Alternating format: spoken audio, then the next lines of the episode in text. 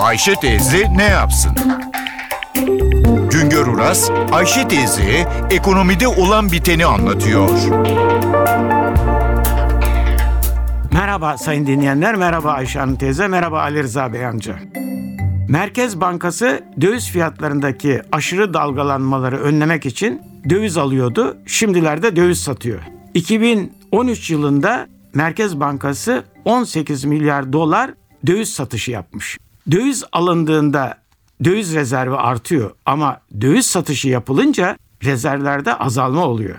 Döviz satışları artınca çok kişi meraka düştü. Acaba bu satışlar sonucu Merkez Bankası'nın döviz rezervi tükenir mi? Önce döviz rezervi nedir onu anlatayım. Merkez Bankası para ve kur politikalarını desteklemek, piyasalara güven vermek, hükümetin döviz cinsi üzerinden iç ve dış borçlarının ödeyebilmek, bunlara ek olarak da ekonominin dış şoklara karşı korunmasını sağlamak için belli ölçüde döviz biriktiriyor. Bu birikime de döviz rezervi deniliyor. Merkez Bankası'nın döviz birikiminin bir bölümü Merkez Bankası'nın Türk lirası ödeyerek satın aldığı kendine ait dövizlerdir. Bir bölümü başkalarına ait kredi olarak, emanet olarak bankaya verilen fakat Merkez Bankası'nın serbestçe kullanabileceği dövizlerdir. Bankanın toplam döviz varlıklarından döviz yükümlülükleri çıkarılınca da kalan dövize Merkez Bankası'nın net döviz pozisyonu deniliyor.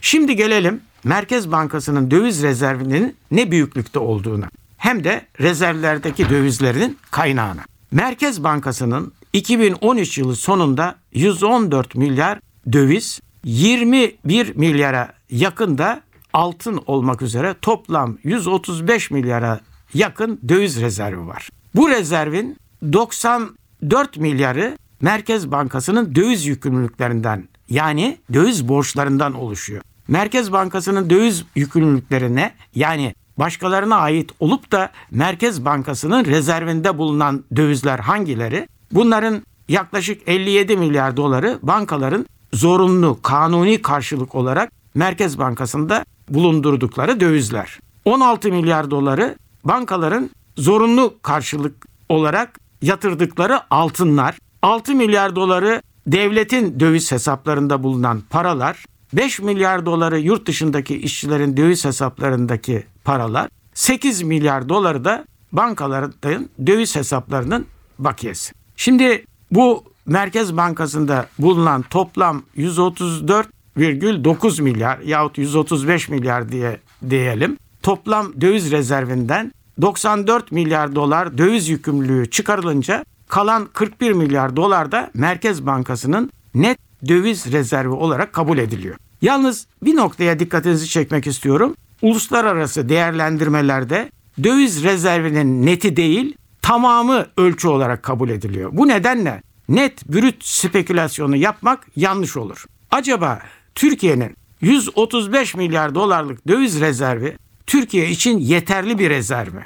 Daha önceki dönemlerde merkez bankalarındaki döviz rezervinin ülkenin en az 3, 4, 6 aylık ithalatını karşılayacak ölçüde olmasına bakılırdı. Türkiye'nin ortalama aylık ithalatı 20 milyar dolar.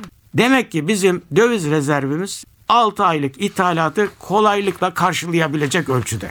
Daha sonra döviz rezervinin kısa vadeli borçları karşılayıp karşılayamayacağı ölçü olarak kabul edilir oldu. Bizim toplam dış borcumuz 372 milyar dolar.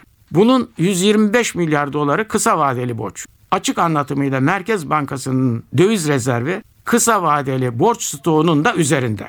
Ne var ki Merkez Bankası rezervleri ile ilgili bu tür hesaplar sadece Türkiye gibi döviz sorunu olan ülkeler için yapılıyor. Birçok zengin ülkenin döviz rezervi bizim rezervlerimize yakın büyüklükte. Mesela Almanya'nın toplam döviz rezervi, Merkez Bankası'nın döviz rezervi 210 milyar dolar. Fransa'nın 156 milyar dolar, İtalya'nın 155 milyar dolar, İngiltere'nin 136 milyar dolar.